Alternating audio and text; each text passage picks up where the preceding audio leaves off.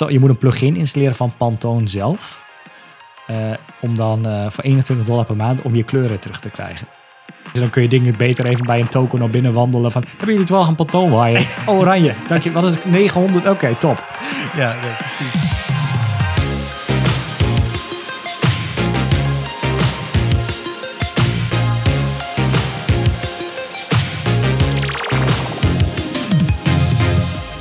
Welkom bij de Pixel Paranoid podcast. Ik ben Mikelle en samen met mijn co-host Rick gaan we alles behandelen rondom UX, UI en front-end development. En eh, we zijn alweer in de tweede aflevering van seizoen 3, dus dat is hartstikke goed. En de ehm, eerste aflevering, die heeft ons tot plek 42 in de Apple Podcast Nederlandse Tech Ja. lijst gebracht. Ja. En we zijn daar wel nu gezakt naar 89 eh, in de tweede week. Maar we staan in de top 100. Dat is wel super cool. Ja, dat is zeker super cool. En eh, jij stuurde mij een, eh, een screenshotje ergens vorige week of zo, dat we ook in een ander land eh, zichtbaar waren.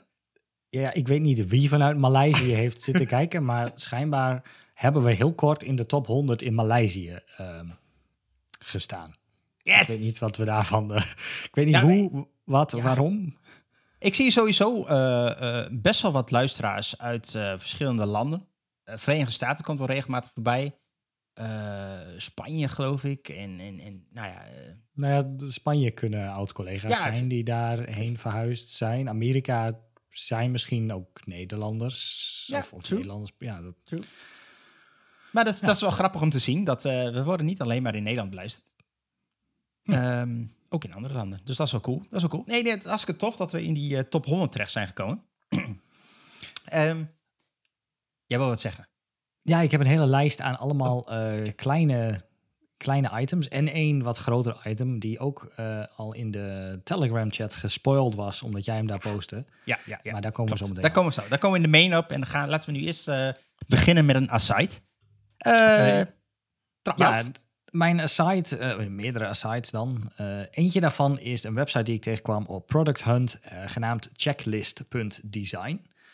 En checklist.design is een, nou, ik vind het een fancy, aantrekkelijke website, waarop lijsten staan met, voor pagina's. eh, of er staan lijstjes op met daarop types pagina's, eh, types elementen en types workflows.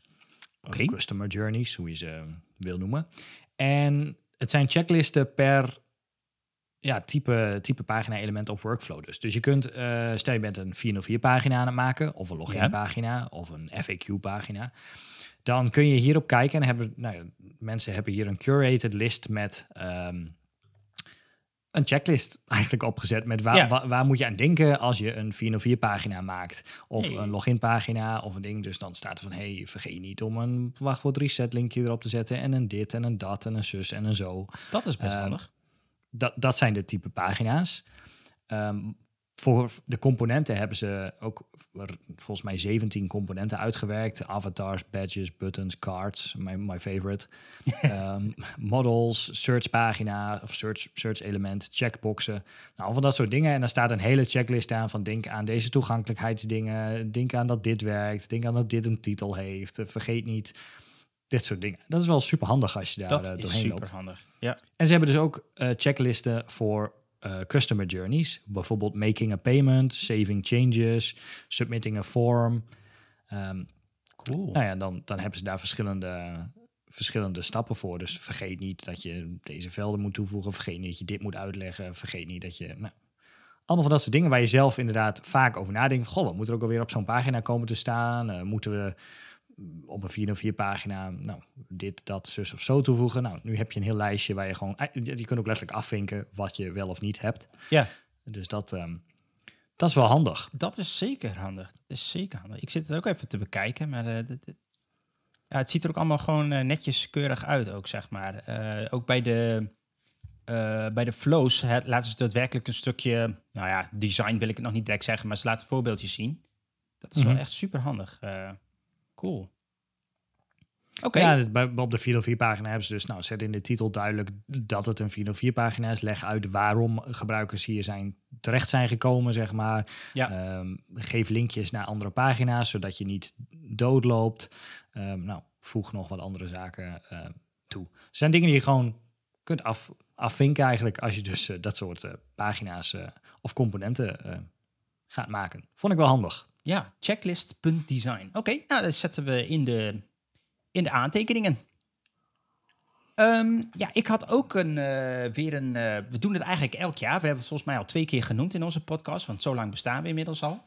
Ehm, maar eh, de UX Tools survey is er weer. Voor 2022 uiteraard. Ehm, waarin een, nou laten we zeggen, twintigtal vragen gesteld worden. Zoiets eh, van, ja, welke tools gebruik je? Eh, op wat voor niveau gebruik je? Wat voor rol heb je zelf? Eh, wat voor bedrijf werk je? Nou, allerlei dat soort vragen. En ze vragen dan met name rondom design tools, maar ook ehm, whiteboarding tools. volgens mij ook wat over prototyping. tools, ja. Ja. Dus eh, ja, allerlei vragen. Ja, en oh, ik ben en, eigenlijk wel eh, benieuwd. wat er Samenwerk, sa- samenwerk whiteboarding tools, eh, wat natuurlijk FigJam vorig jaar volgens mij voor het eerst bij, bij stond toen. En Ja. Miro natuurlijk. Ja, dus ik gok dat het. Ik verwacht eind jaar of begin volgend jaar de uitkomsten. Ik denk, ik Dat is altijd wel grappig om te zien hoe de resultaten ten opzichte van vorig jaar. eh, Ja. En de jaren natuurlijk, eh, als je vijf jaar teruggaat, dan was Figma nog niet in de picture. Had je Ja. Sketch eh, helemaal bovenaan. En, of eigenlijk eerst Photoshop en toen gingen we langzaam naar Sketch. En toen kwam Figma opeens uit het niks op omhoog. Dat, Ja, het is wel leuk.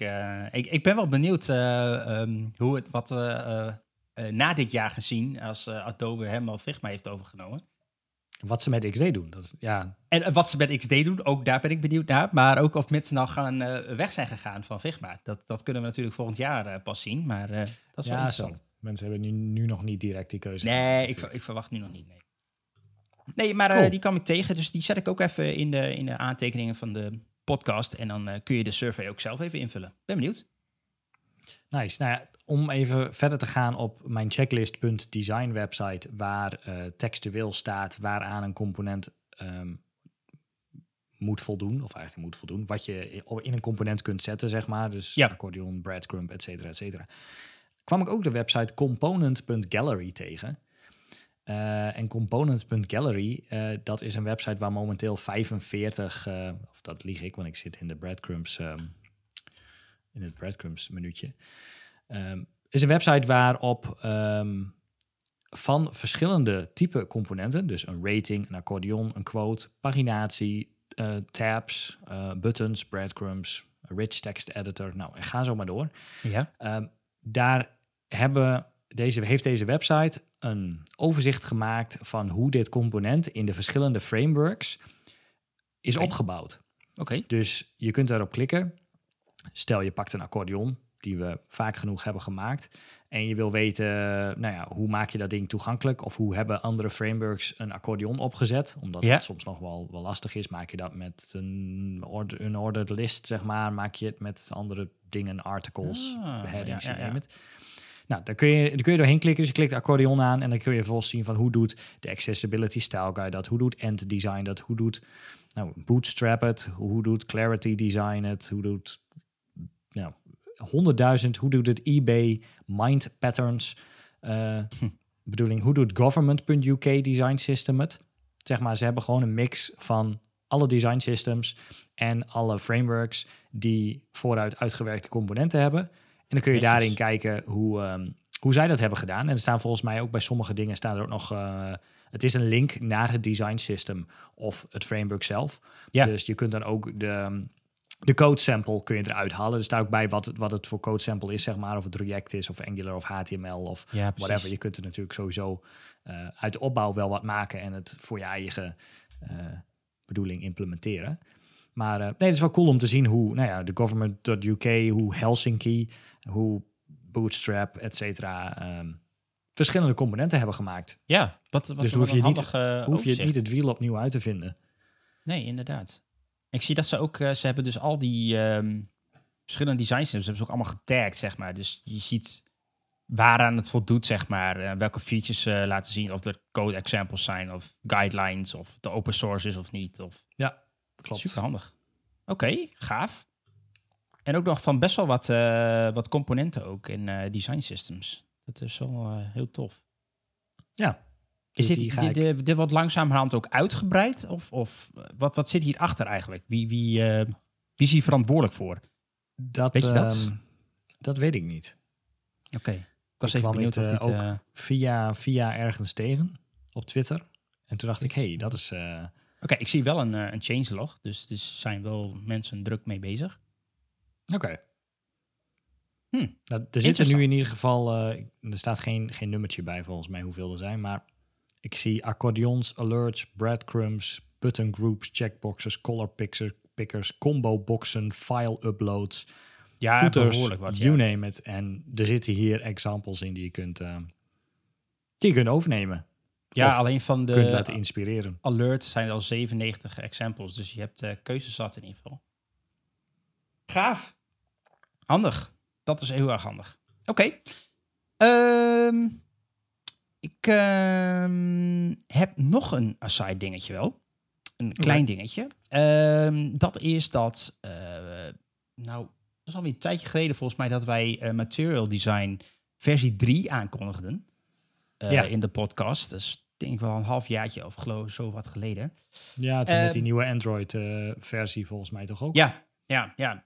En, eh, maar daar is nu ook een, eindelijk een Figma design kit van. En een best wel uitgebreide design kit ook. Eh, er zitten 28 UI components in. Oké. Eh, dus unieke UI components. Wat resulteert in 196 eh, Figma components. Dus ik denk, ik gok met alle varianten en, en tweaks en alles wat je eraan kan doen. Oh nee, nog Ja. meer zelfs. 1984 varianten en 429 stijls. Dus dat is eh, behoorlijk uitgebreid. En eh, ja, ik denk eigenlijk als jij, eh, eh, laat ik zo zeggen, een Android-app of eh, het Material Design Framework überhaupt gebruikt, ja, Ja. dan is dat ideaal om denk ik er gebruik van te maken.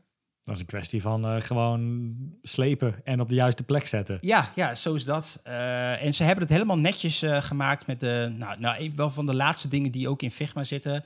Dus Oh, allemaal netjes cool. eh, components gebruikt, variants, eh, alle labels zijn in te vullen. Dus Oh, die Ja. booleans en zo om dingen Ja. aan en uit te zetten. Ja, dat, dat zorgt natuurlijk wel voor minder eh, varianten, zeg maar. ja, Maar en ze hebben zelfs maken ehm, met buttons. aangegeven van ehm, heel veel stijlsets. wat het level is van de eh, die ze gehaald hebben. Dus dat, dat is ook wel netjes. Dus je kunt van tevoren aan de stijls zien welke WCAG-levels ze nou, behalen. Moet, moeten, eh, behaalt alles AA? Of Eh, dat, dat, ik durf AA. niet te zeggen, zeker te zeggen of ze alles AA haalt. Ik zie hier nu toevallig een voorbeeld waarbij in ieder geval triple A het niet haalt. Ik gok omdat dan echt de contrast niet hoog genoeg is. Maar nee, misschien wel minimaal AA, dat, dat durf ik niet te zeggen. Ze hebben er wel in ieder geval gedocumenteerd, dus dat is wel fijn. Je moet het ook wel heel slecht doen als material UI zijnde. Wil je A niet eens halen? Dan Ja, eh, dat- dat- is dat toch wel iets ook. gruwelijk misgegaan. Ja, dat lijkt mij ook hoor. Eh, dus en, en ik, ik, nou, voor Android kennen lijkt me dat ze daar echt wel rekening mee hebben gehouden. Dus, eh, maar uh, super handig. dus als je daarmee, ik gooi hem in de, in de, in de, in de beschrijving. In de voeten. En dan, ja, ik wil zeggen in de footer, maar Nee, check. eh, dan kun je hem toepassen. Nou, dat is, die kun je gewoon aanzetten, toch? Als, als, eh als zijnde... Als library, ja. Ja, ja, en Ja, dan, kun je, ja, dan ja. kun je daaruit gewoon dingen eh, plukken. Ja. Dat is wel cool. En een update hier ook als zij eh, natuurlijk dingen aanpassen. Correct. Dat is eh. Amazing. Wat moet je toch tegenwoordig zonder Figma? Ja, dat eh, eens, eens. Oké. ehm, zullen we naar de main of heb je nog een site? Ja, ik heb nog een hele lijst met kleine dingen, maar die kunnen ook na, ja, zeg maar, je hebt ook links een aside hebben en dan een main en dan rechts ook een aside hè, en dan Ja. een footer. Dus laten we eerst eens wat een uitgebreider onderwerp doen. Ja, oké. want ehm, eh, ik kwam een nieuwsbericht tegen, eergisteren volgens mij was dat, of gisteren, ik weet het eigenlijk niet meer. Ehm, en ik had er inderdaad in Telegram al wat gepost. Dus als je sneak previews wil hebben of wat we gaan bespreken, dan moet je in Telegram zijn. Dat is sowieso een tip.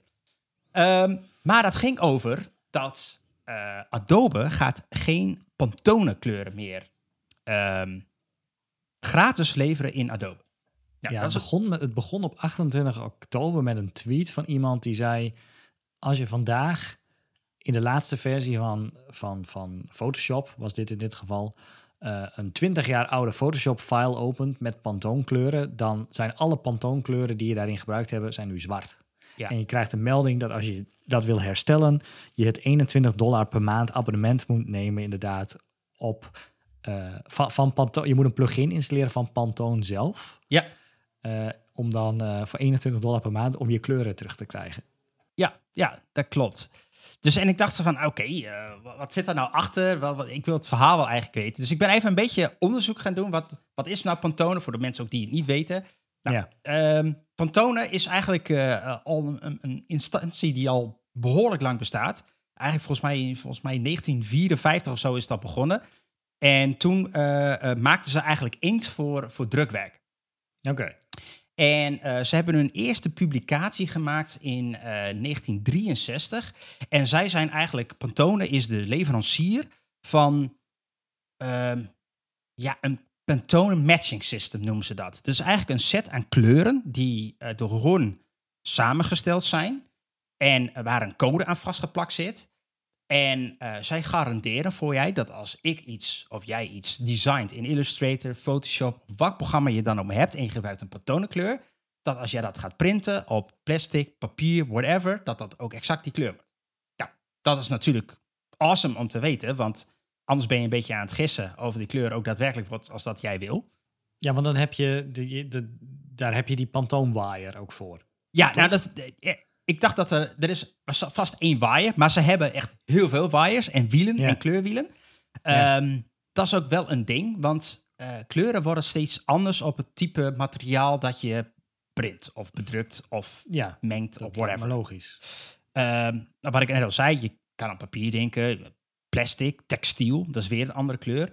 Ehm, dus wat hebben ze? Ze hebben een, een matching system voor al die type ondergronden, om het maar zo te zeggen. En daar kun jij als ontwerper, kun je zo'n kleurwiel of zo'n waaier bij Pantone kopen. Ja, ja, want ik heb inderdaad wel eens mensen die heel veel drukwerk deden, jaren geleden. Die hadden zo'n hele stapel met van die wires liggen. Ja. Ehm, wat er een beetje uitziet alsof je bij de bouwmarkt eh Ja. verf voor op de muur uitzoekt, inderdaad. Ja. En dan kun je daar een kleur uit zoeken. En die hebben dan een bepaalde kleurcode. Dat is een beetje hetzelfde als zo'n RAL kleurcode voor verf. Ja. Ehm, Nou, RAL is toevallig dus ook exact zo'n systeem. Dus van een Duits eh, instantie en Pantone is de Amerikaanse instantie. ja, alleen wat ik lastig vind, is ehm, de kleur op je beeldscherm komt niet overeen met de kleur van die waaier. Nee. Dus je zoekt op een fysieke waaier zoek jij een kleur paars uit waarvan je denkt, oh, dat vind ik een mooie paars. Als je hem op je PC in Illustrator zet, dan heb je een kleur die lijkt niet Nee, op die kleur die jij op je waaier hebt gekozen, zeg maar. Nee, Maar en dat, dat maakt het ook zo. en wat jij nu zegt, dat is juist precies het probleem wat al die mensen dus nu in Photoshop en Illustrator hebben, die al jaren bouwen op Pantone kleuren. Want je bent dus toegewezen eigenlijk aan die waaier die in Photoshop of Illustrator zit.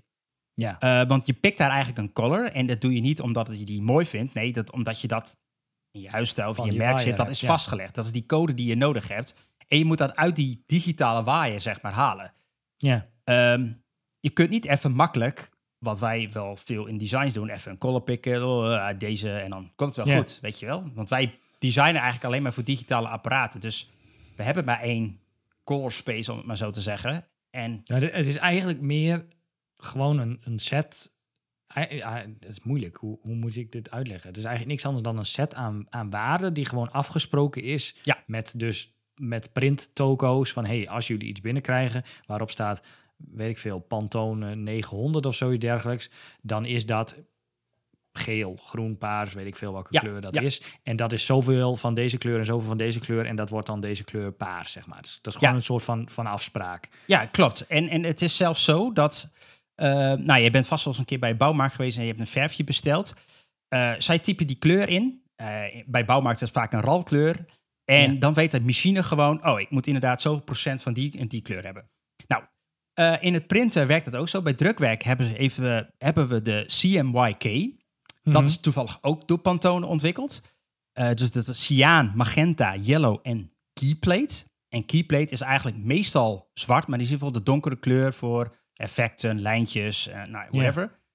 Eh, en die combinatie inderdaad, dat wordt gemengd en dat bepaalt, brengt een bepaalde kleur op een bepaald Hoe materiaal. is CMYK anders dan Pantone? Dus dat, Ehm, nou, een, laat ik zo zeggen, een CMYK-value eh, eh, kan een Pantone kleur zijn. Dus het, je hebt zeg maar een code, Pantone 1358, en dat is CMYK bla bla bla bla bla bla, zeg maar.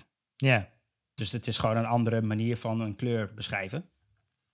Ja, Maar- ik zag op Twitter al allemaal mensen die hack, die volgens gewoon ehm, in Photoshop files metadata gingen hacken om inderdaad alsnog Ja. eh, die, die kleuren te herstellen, omdat het niks anders is dan gewoon een, een, een data value van een bepaald nummer. Klopt. Eh, eh, ik, kreeg, eh, ik had toevallig met, mijn, met mijn dame hier ook over, over dit onderwerp. En die zei van, ja, maar je kunt toch gewoon een kleur kiezen? Die kleuren zijn Ja. toch niet van hun? Nee, dat Nee, klopt. nee, precies. Ja, dit- Maar- dit- Dat is het probleem, een beetje. Je weet niet, eh, die, die, die, diegene die het moet drukken of die, die het plastic moet maken, die wil een, een kleurcode van jou hebben in Pantone, want daar kan, kunnen ze mee overweg. En jij kan niet met een RGB-waarde aankomen, zeg maar. Dan weten ze niet wat ze mee moeten. ja, dat je zegt, goh, doe maar paars. Dan, Ja, oh, oké.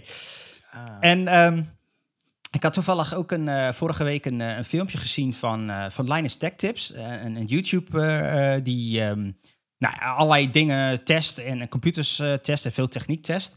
Maar die maken toevallig ook wat eigen producten. vooral ook kleding. Maar ze hebben onlangs ook een eigen schroevendraaier gemaakt. En die schroevendraaier heeft een plastic hendel. ja. Ehm, nou, en je gaat. Nou, je kan wel raden waar het heen gaat. Eh, ze wilden een specifieke kleur van Linus Texas. Linus Texas heeft een soort oranje. En die kleur die wilden ze bestellen, maar ze hadden toen nog geen eh patonenwire. eh, zeg maar, in, in waar ze mee bezig. Dus de designer had geen patonenwire, dus die wist eigenlijk, moest maar een beetje gokken. En wat jij al Ja. zei, je kunt niet op je scherm zien welke kleur het ongeveer is, want dan zit heel veel In het verschil echt. Nee, ja.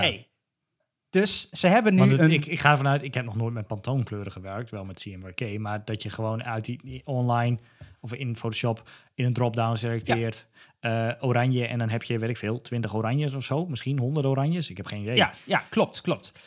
Maar dan weet je dus niet, inderdaad niet welke oranje bij het merk het beste past. Nee. Omdat op het scherm het de perfecte oranje is, maar in het echt misschien een hele andere oranje is. Klopt. En wat, wat het probleem wat zij dus hadden is, ze hebben wel, wel tien van die schroevendraaiers besteld of van die hendels besteld. En elke keer was het de verkeerde kleur, omdat zij moesten gokken welke Pantone kleur het moest worden. En uiteindelijk heeft hij dus gezegd van, eh, die Linus, die zegt van, oké, ik ga me wel zo'n kleurwiel aanschaffen van Pantone, want dit schiet niet op. Dit kost me ongelooflijk veel geld. Ja, Maar dan mag jij raden hoe duur het kost om zo'n complete kleurwiel te krijgen van alle kleuren die in het Pantone-stelsel zitten.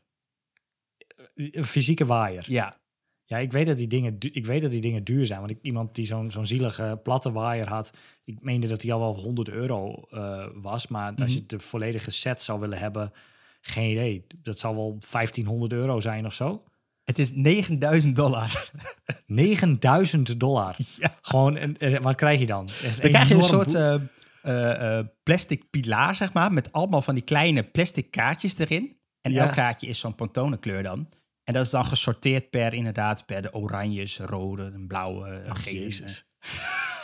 9000 dollar. 9000 dollar. Ja. Ja, dit- ik snap dat als je, weet ik veel, een professional druktoko hebt of zo, of iets doet met waar je dagelijks pantoon dingen voor nodig hebt, dat dat handig is. Maar als je eenmalig inderdaad een schroevendraaier, hendel, kleur moet kiezen, dan kun je dingen beter even bij een toko naar binnen wandelen van, hebben jullie het wel een pantoonwaaier? Oh, oranje. Dank je. Wat is het? 900? Oké, top. ja, nee, precies. Ja, nou, ik gok dat zij wel meer gaan maken. Of in ieder geval, ik zou er meer mee gaan doen als ik zo'n hele set eh, eh, aanschaf. Dat is wel suf. Het is, het is letterlijk, een, je moet een fysiek iets hebben om te zien Ja, wat het... hoe die kleur er in het echt uitziet. Ja, Dat, je kunt er ook geen. Ja, als jij een had, is er gewoon. Stuur me een foto. Zelfs dan Ja. heb ik er niks aan. Want mijn scherm past dan die kleur weer aan naar wat. ja en ik, ik, ik zat dus ook nog even op die website van Pantone te kijken. En zij hebben dus ook, los van die wires en die, die, die, die, die kleurstaaltjes en zo, hebben zij dus ook een apparaat die eh, het, het, het licht van een winkel kan nabootsen. Er zit gewoon een TL-balkje in, een TL-buis, zodat je kunt zien hoe jouw kleur reageert, zeg maar, als het in een, in een winkel zou liggen. Ja, het gaat wel ver, vind ik. ik ja, weet niet, wel, wat de, verpakkingsmateriaal in de winkel. Voor mij is dat CMYK. Want er staat Ja, altijd zo'n meeste druk, op ja, met, meeste eh, drukwerk wel, inderdaad. Ja, klopt. Wat pantonen we dan? Ja, maar CMYK is ook van Pantone, hè? Dus Ja, ja, oh, ja, ja, ja, goed. eh, Uiteindelijk is pantoon een set aan CMYK-waardes. juist, Dus, juist, juist. Ehm, maar goed, ze maar hebben... als, je- als, als je dan weet, als je dan weet eh, welke kleur oranje je zou moeten hebben, dan, ja, je weet niet wat de CMYK-waarden zijn van die oranje pantoon natuurlijk. Nee, dat, dat is het ding. En het bedrijf wat, pas wat je, jou... pas je je drukbestand aan met naar de CMYK-waardes van die oranje. Maar je weet niet wat de CMYK-waardes zijn van die. Nee, en ik, ik- wat ik dus begreep en waar nu iedereen Secret. ook over valt, is eh, in jouw Photoshop of in je Illustrator document moeten die dingen wel die, die Pantone-waarde hebben. Zeg Ja, maar. ja, ja. Kan, die- kan dat bedrijf er aan de andere kant niks mee doen. Nee, ja, print hem maar als CMYK. Maar wat ik, Oh, wat ik wauw. wel super lullig vind dus, is... ehm oh nee, daar kom ik zo, daar kom ik zo. Wat ik, nog wil zeggen is, Pantone heeft dus in totaal 2161 Pantone kleuren. Oké. vind ik niet ontzettend Ehm, veel. En ze komen dus elk jaar, en dat hadden wij in onze podcast ook al benoemd, maar ze komen elk jaar met het kleur van het jaar. Nou, dat is dit Ja. jaar dus Very Perry. Ja, dan met een heel verhaal over hoe de wereld... eh, hoe de wereld Ehm, depressief en die lijst eh, die, die je dus hebt, die lijst van Pantone kleur, die zijn beschermd. Dus de lijst zelf is beschermd. Die mag je niet gratis gebruiken. Maar je mag natuurlijk wel de kleuren gewoon gebruiken. Maar je mag niet zeggen, eh, dit is Pantone 900. Als jij dat een beetje hebt lopen gokken of zo, weet ik veel. Nee, je mag niet zomaar dingen Pantone Oh, nog wat noemen. Een Very Perry noemen. Want blijkbaar is Very Perry dus een eh, geregistreerd iets van Pantone.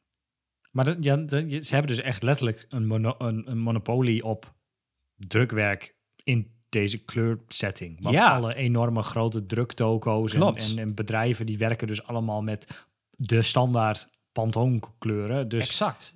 En dat is dus ook wel een Ja. dingetje in Illustrator en Adobe, dat jij daar nu in één keer voor moet dokken. Want ja, dan gaat nu geen designer zeggen van ik ga niet dokken, want je hebt die kleuren nodig. Dus het is een beetje, wat ik qua reacties las, iedereen was wel een beetje, beetje pis of zo. Het voelt een beetje als, eh, ja, we hebben Figma gekocht en moeten geld ter- terughalen. ja, maar dat is het, het is het een Adobe keuze, want het is Pantone die volgens mij ermee stopt. Pantone heeft gaf aan van nee, die kleurenwaaier die in Photoshop of in de Adobe product zit, die is niet meer up to date en zo. Eh, die hebben we al heel lang niet meer gesupport. En het is heel moeilijk om met Adobe samen te werken, weet ik veel. Willen we Ik- niet meer. Ik dacht dat Dus- Adobe daar. Ik, tenminste, ik las ergens, ik, het is een rumor, maar ik dacht dat be- Adobe daar altijd al een, of een keer voor betaald heeft, of voor betaalde een deel. Maar inderdaad, Nou, zo. Nou, misschien was het dan en betaalde zij ervoor, maar niet genoeg. En was die ook niet up to date. En dachten Ja. ze, weet je wat, dan beginnen we onze eigen plugin wel, die je gewoon hebben- installeert. Adobe heeft het trouwens wel aangekondigd. Volgens mij ergens eh, begin vorig jaar, of eh, sorry, eind vorig jaar. Eh, dat, dat, dat ze het eruit zouden halen, maar ze hebben niet gezegd wanneer. En ze hadden toen ook gezegd dat ze een alternatief zouden regelen. Dus dat je bestanden niet kapot zouden gaan, zeg maar. Eh, maar dat hebben ze dus niet gedaan. Ze hebben nu gewoon de, de waaier eruit geknikkerd en alles is nu zwart. Beetje weird. Apart. Wat ik wel, wa- waarom heeft Microsoft Teams trouwens ehm, dan die Pantone-achtergronden? Er heeft iemand geld betaald aan Microsoft van, hey, weet je, druk even deze twee eh, Ja. Pantone-kleur eh, backgrounds in Teams, zeg maar. Je hebt daar die landschapje dingetjes en dan heb je ook twee, drie, drie, drie paarse woonkamers, zeg Ja. maar, met Pantone Very Perry als kleur. Ik, ik, ik weet het niet. Misschien is dit een, eh, een deeltje samen met, met, met Pantone en Microsoft. Ik, ik heb geen idee. Ja, No clue. oké. Dus dat eh 15 dollar per maand. Volgens mijn tweet zei 21 volgens mij, maar Ja, in ik, ieder geval ik zie verschillende... maand. Ja, ja, per maand. Ik, het, is, het is best wel een aanzienlijk bedrag naast je Adobe pakket. Ja. ja, als, als drukwerk toko zijnde. Nou ja, het is een beetje lullig als je eenmalig dus een schroevendraaier wil laten maken met een bepaalde kleur. Dat is een beetje lullig. Eh, Maar ik kan me aan de andere kant misschien voorstellen dat als je een professionele toko bent die de hele dag met pantoonkleuren werkt, Ja. wellicht is het echt zo dat die niet up-to-date is. I don't know. Geen idee hoeveel van die wires ze, ze uitbrengen of updaten. Maar ehm, ja, het is, het is wel stevig aan de prijs. Wel weer 200 eh, per jaar extra. Ja, en, en het Adobe pakket is al niet, niet super goedkoop natuurlijk. Nee, Ja, dus, dus ik, ik, ik vind het raar. Het kost ook iets 100 nog wat per maand, toch?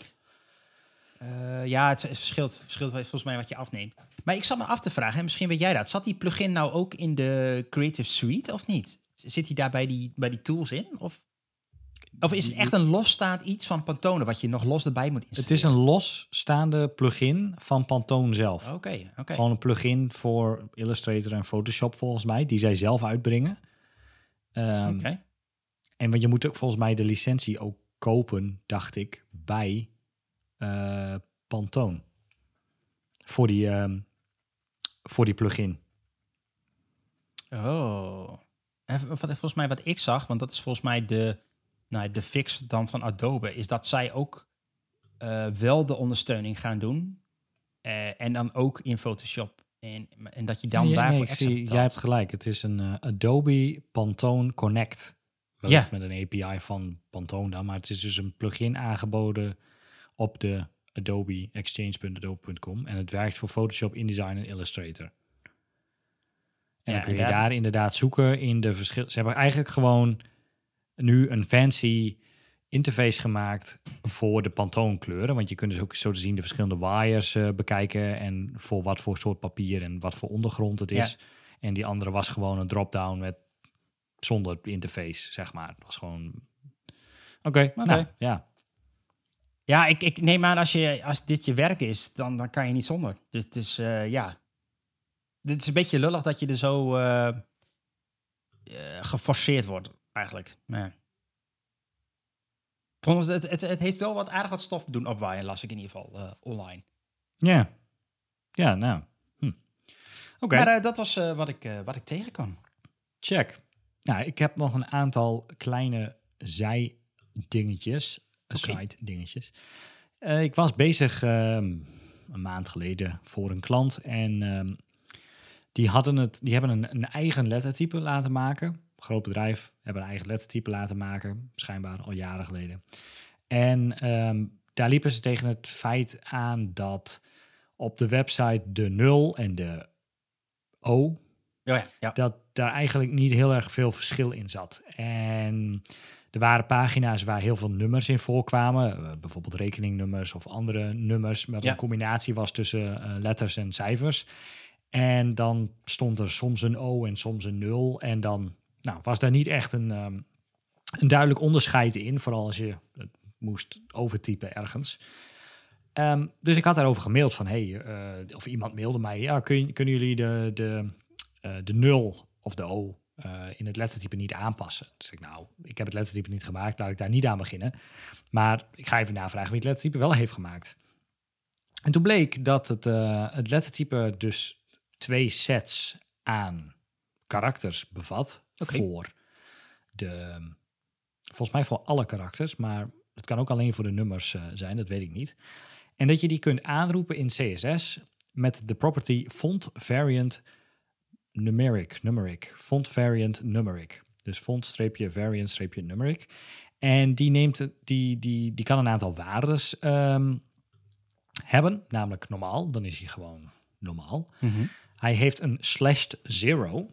En als je dat doet, Hmm. dan krijgt de 0 krijgt een streepje er doorheen. Maar dat werkt dus alleen als het lettertype specifiek daarvoor ook een eh 0 heeft opgenomen met een streepje erin. Ja, En eh, er is ook een property die, die heet tabular nums, tabular numbers, ehm, die je specifiek kunt aanzetten waardoor alle letters of eh, alle cijfers even breed worden.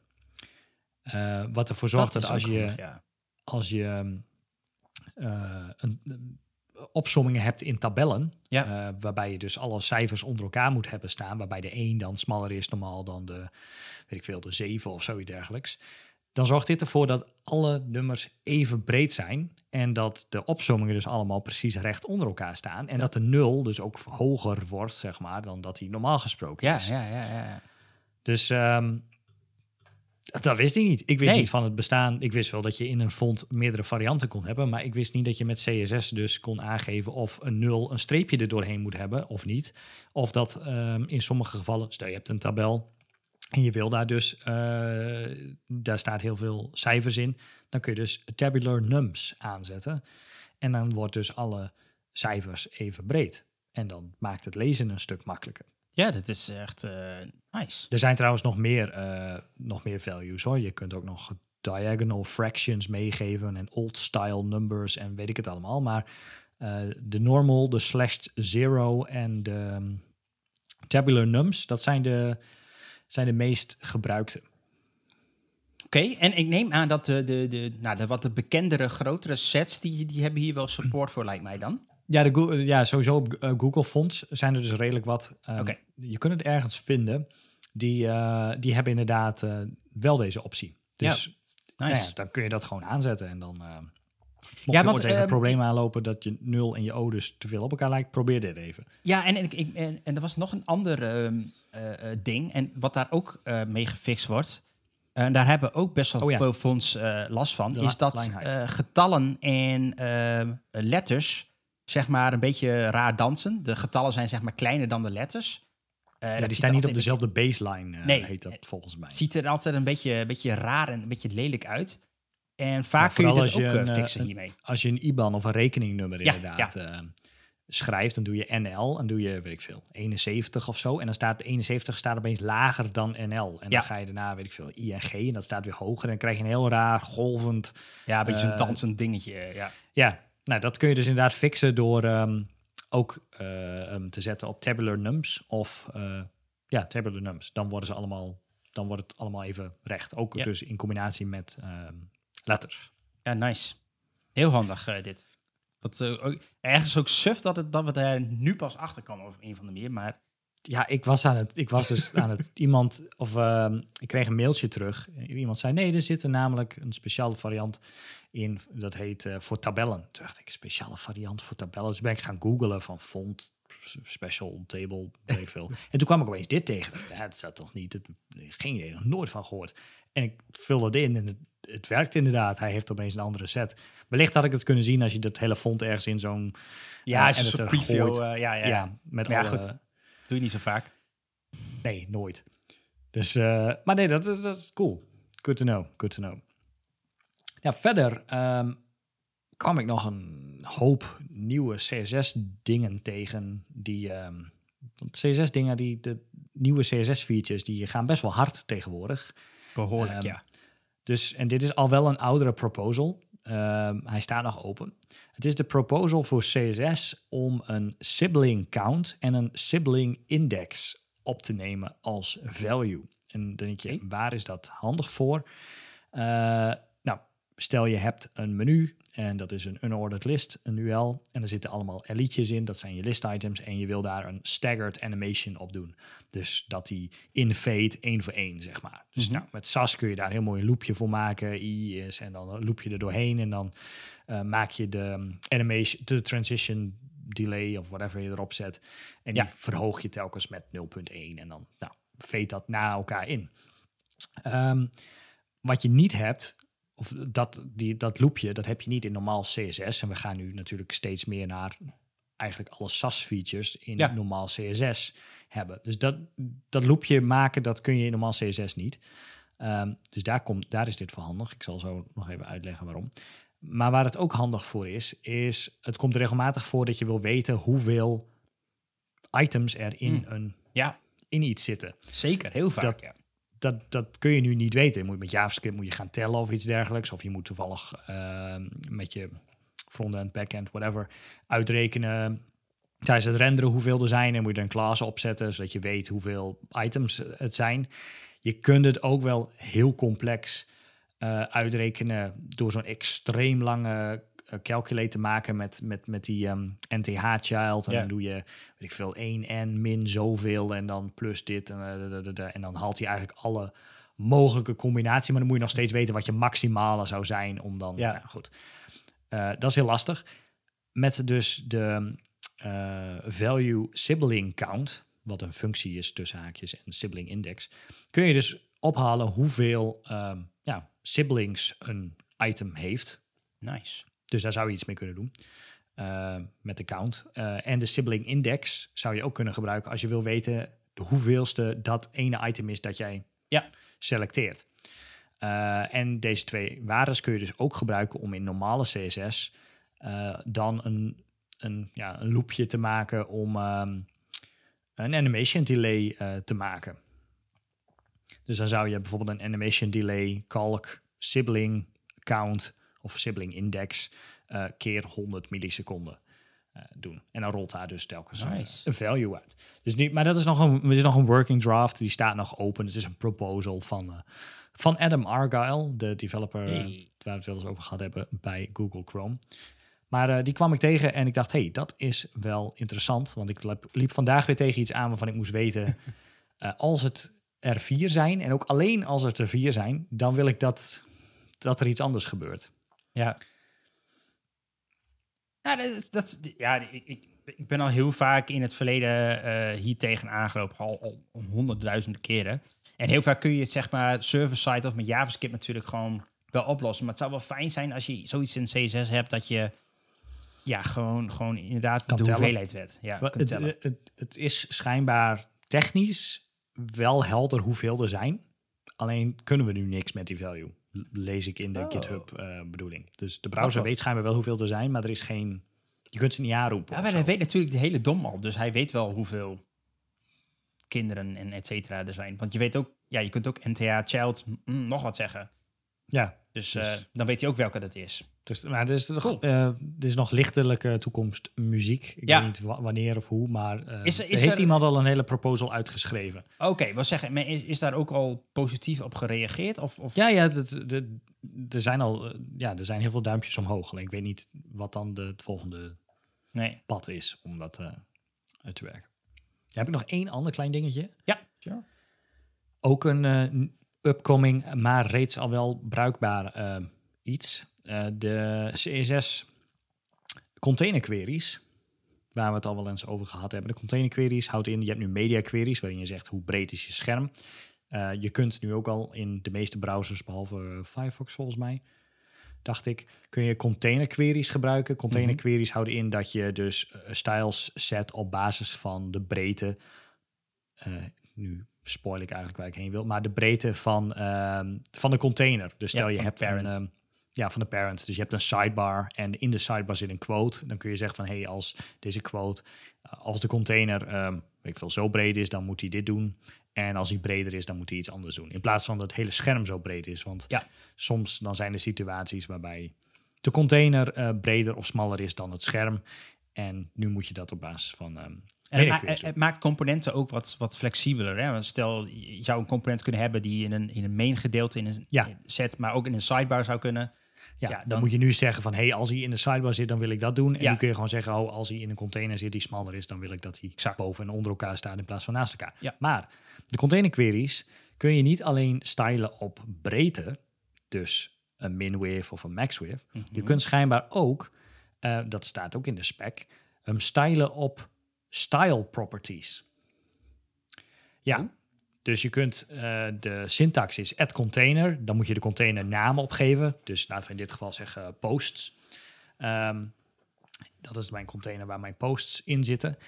Dan zou je normaal gesproken daar zeggen, hey, min with eh, whatever. En dan moet een post moet iets anders doen. Maar je kunt ook zeggen, add container, posts, background color.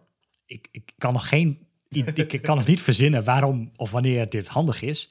Maar je zou dus kinderen kunnen stylen op basis van een style property van een parent, van een container. Dus nou ja, je misschien, kunt- misschien als hij eh, iets met, nou wat je net zei, met een donkere achtergrond, dan wil ik dat mijn Je element. zou een dark mode-achtig iets kunnen doen. Dus dat je een container maakt van de body. En als die een background color heeft die donker is, dat je dan een bepaalde elementen eh, een andere kleur geeft. Of zo. Of dat je Ja. een CSS value opgeeft. Het voorbeeld hier is even heel lelijk, maar dat is zeggen van ja, als, een, als de container een background color oranje heeft, dan wil ik dat de posts iets anders doen. zeg Ja, maar. ja. Ik, ik kan, er zijn vast wel situaties waarbij. Maar eh, jij zegt nu, je hebt nu over background color, maar het kunnen allerlei. Ja, ja, Dus het kan ook zijn eh, als hij flext, of als hij in een grid zit, of als hij Ja, Whatever. volgens mij kun je inderdaad... absoluut eh, gepositioneerd is. Of, Ja. Ah, dat is wel, dat is wel, dat is wel super handig hoor. Dat is wel fancy. ja, dus je kunt inderdaad, eh, als de container een bepaalde, bepaalde style query heeft, dan kun je op basis daarvan de kinderen iets anders laten doen. Want ik, ik ehm, dit, is, eh, dit, dit weten mensen niet, maar wij zijn toevallig met een project bezig geweest. Nou, we hebben een, een, een aanmeldformuliertje voor een nieuwsbrief. Eh, maar dat blokje kan zowel leven in gewoon een normale contentpagina, maar het kan ook in een pop-up zitten. En Ja. dat, dat zou met container query zouden we daar wel styling aan mee kunnen toevoegen. En daar, nou, eh, eh, super handy. Nou ja, dat, die kwam ik tegen. Ik dacht dat het kan, Ja. kan wellicht handig zijn. Maar dat is volgens mij, deze is nog, zijn ze, moet nog verder worden uitgewerkt, dacht Maar, ik. Oh, oh, wat zeggen? Want werkt dat nu overal al, maar dat nog niet? Nou, de, de, de, weet ik niet 100%. De, de standaard implementatie is nu gewoon met een min-width en een max-width. Ja, Eh, maar volgens mij, is volgens de spec, kun je ook stijlen. MDN heeft er een hele pagina eh, ook van. En ehm Oké. CSS-stuk staat er ook wel een artikel, eh, artikel van. Je hebt namelijk de container type kun je definiëren. En de container type kan verschillende, ehm, eh, verschillende values hebben. De container type is namelijk standaard inline size. Mhm. En inline size is dus de inline, dat is dus de lengte, de horizontaal, dus dat is de breedte, zeg Ja. maar. Eh, en op basis daarvan, als de container type inline size is, kun je dus een min-width meegeven. Want dan checkt hij dat. Maar je kunt dus ook de Ja. container type op style zetten. En dan kun je dus eh, met style properties meegeven. Jeetje, handig. Interesting.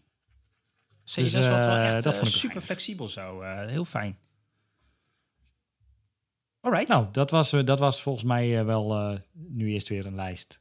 Gaan, we naar de, gaan we naar de footer, om het nog even af te ronden. We zijn alweer lekker onderweg. Ehm, heb je ook een leuk footer item?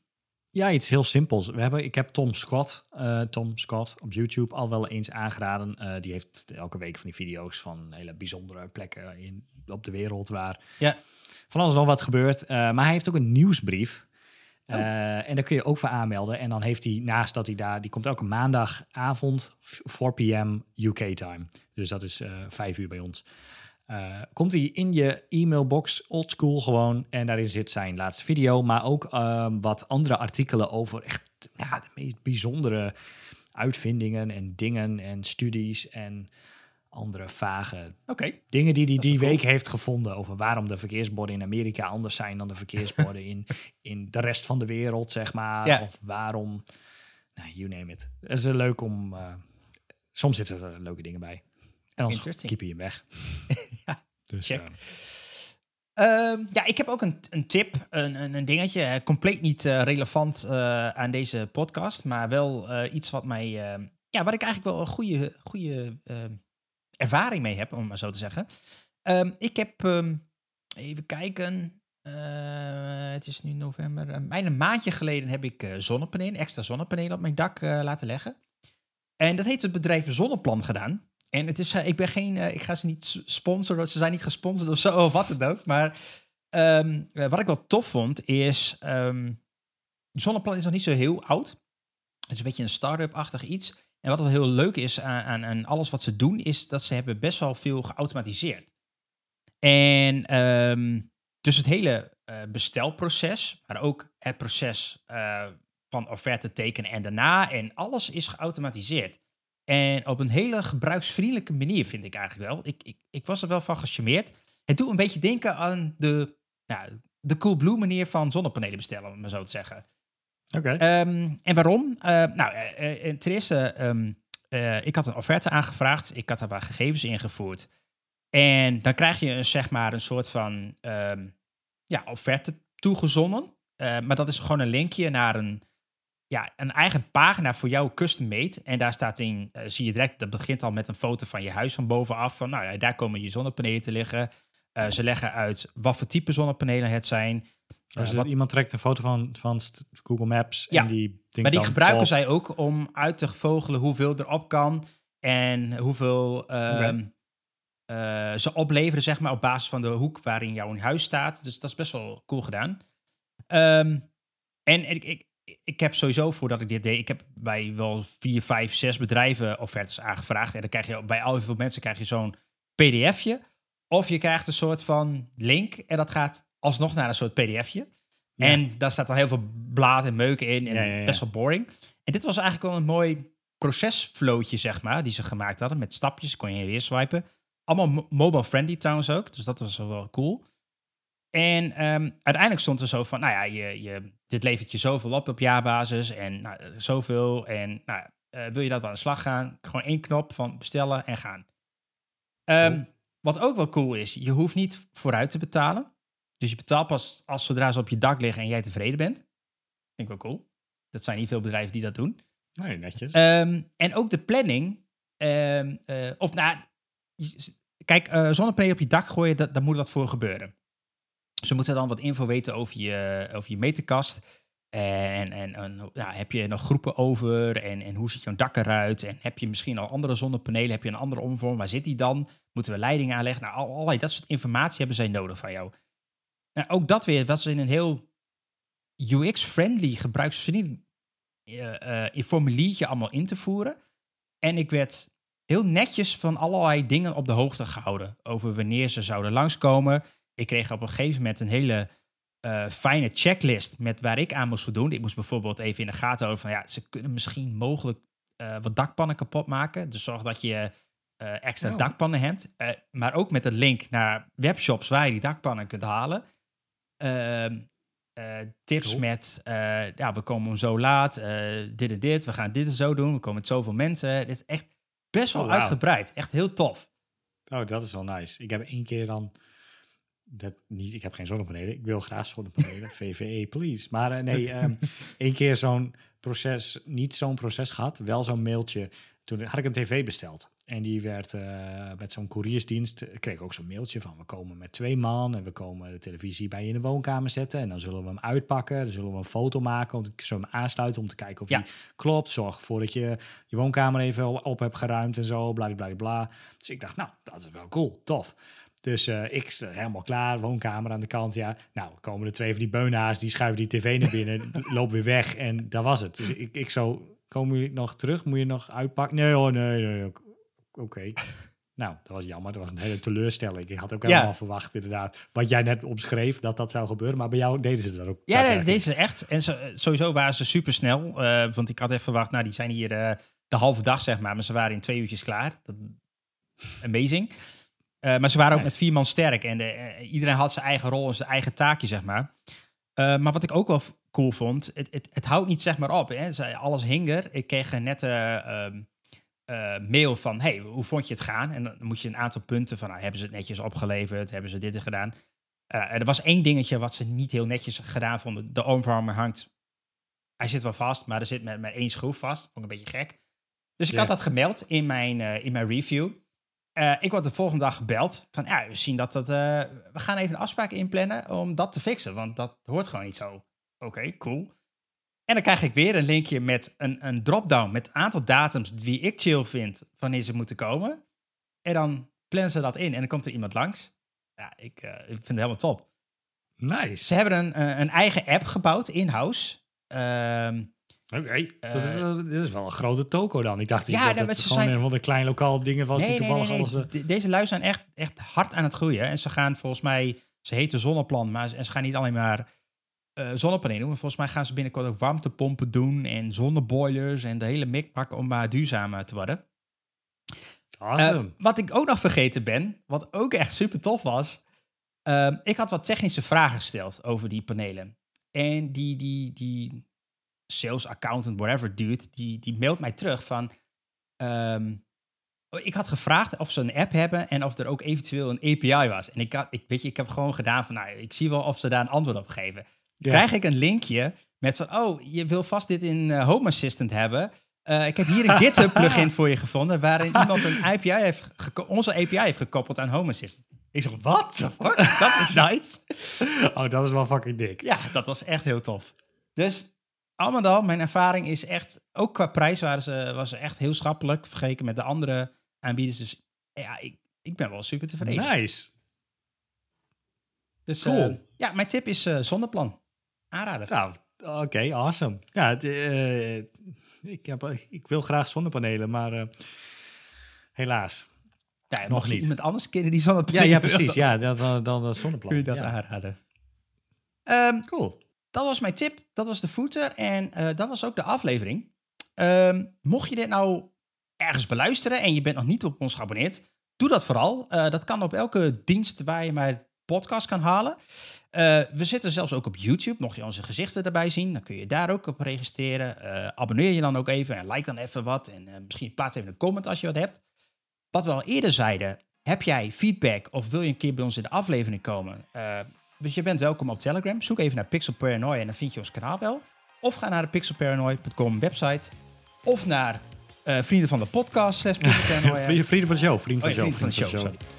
Uh, daar zijn we ook. En overal en nergens. Dus um, ik wil zeggen, tot de volgende keer. Later. Hoi hoi.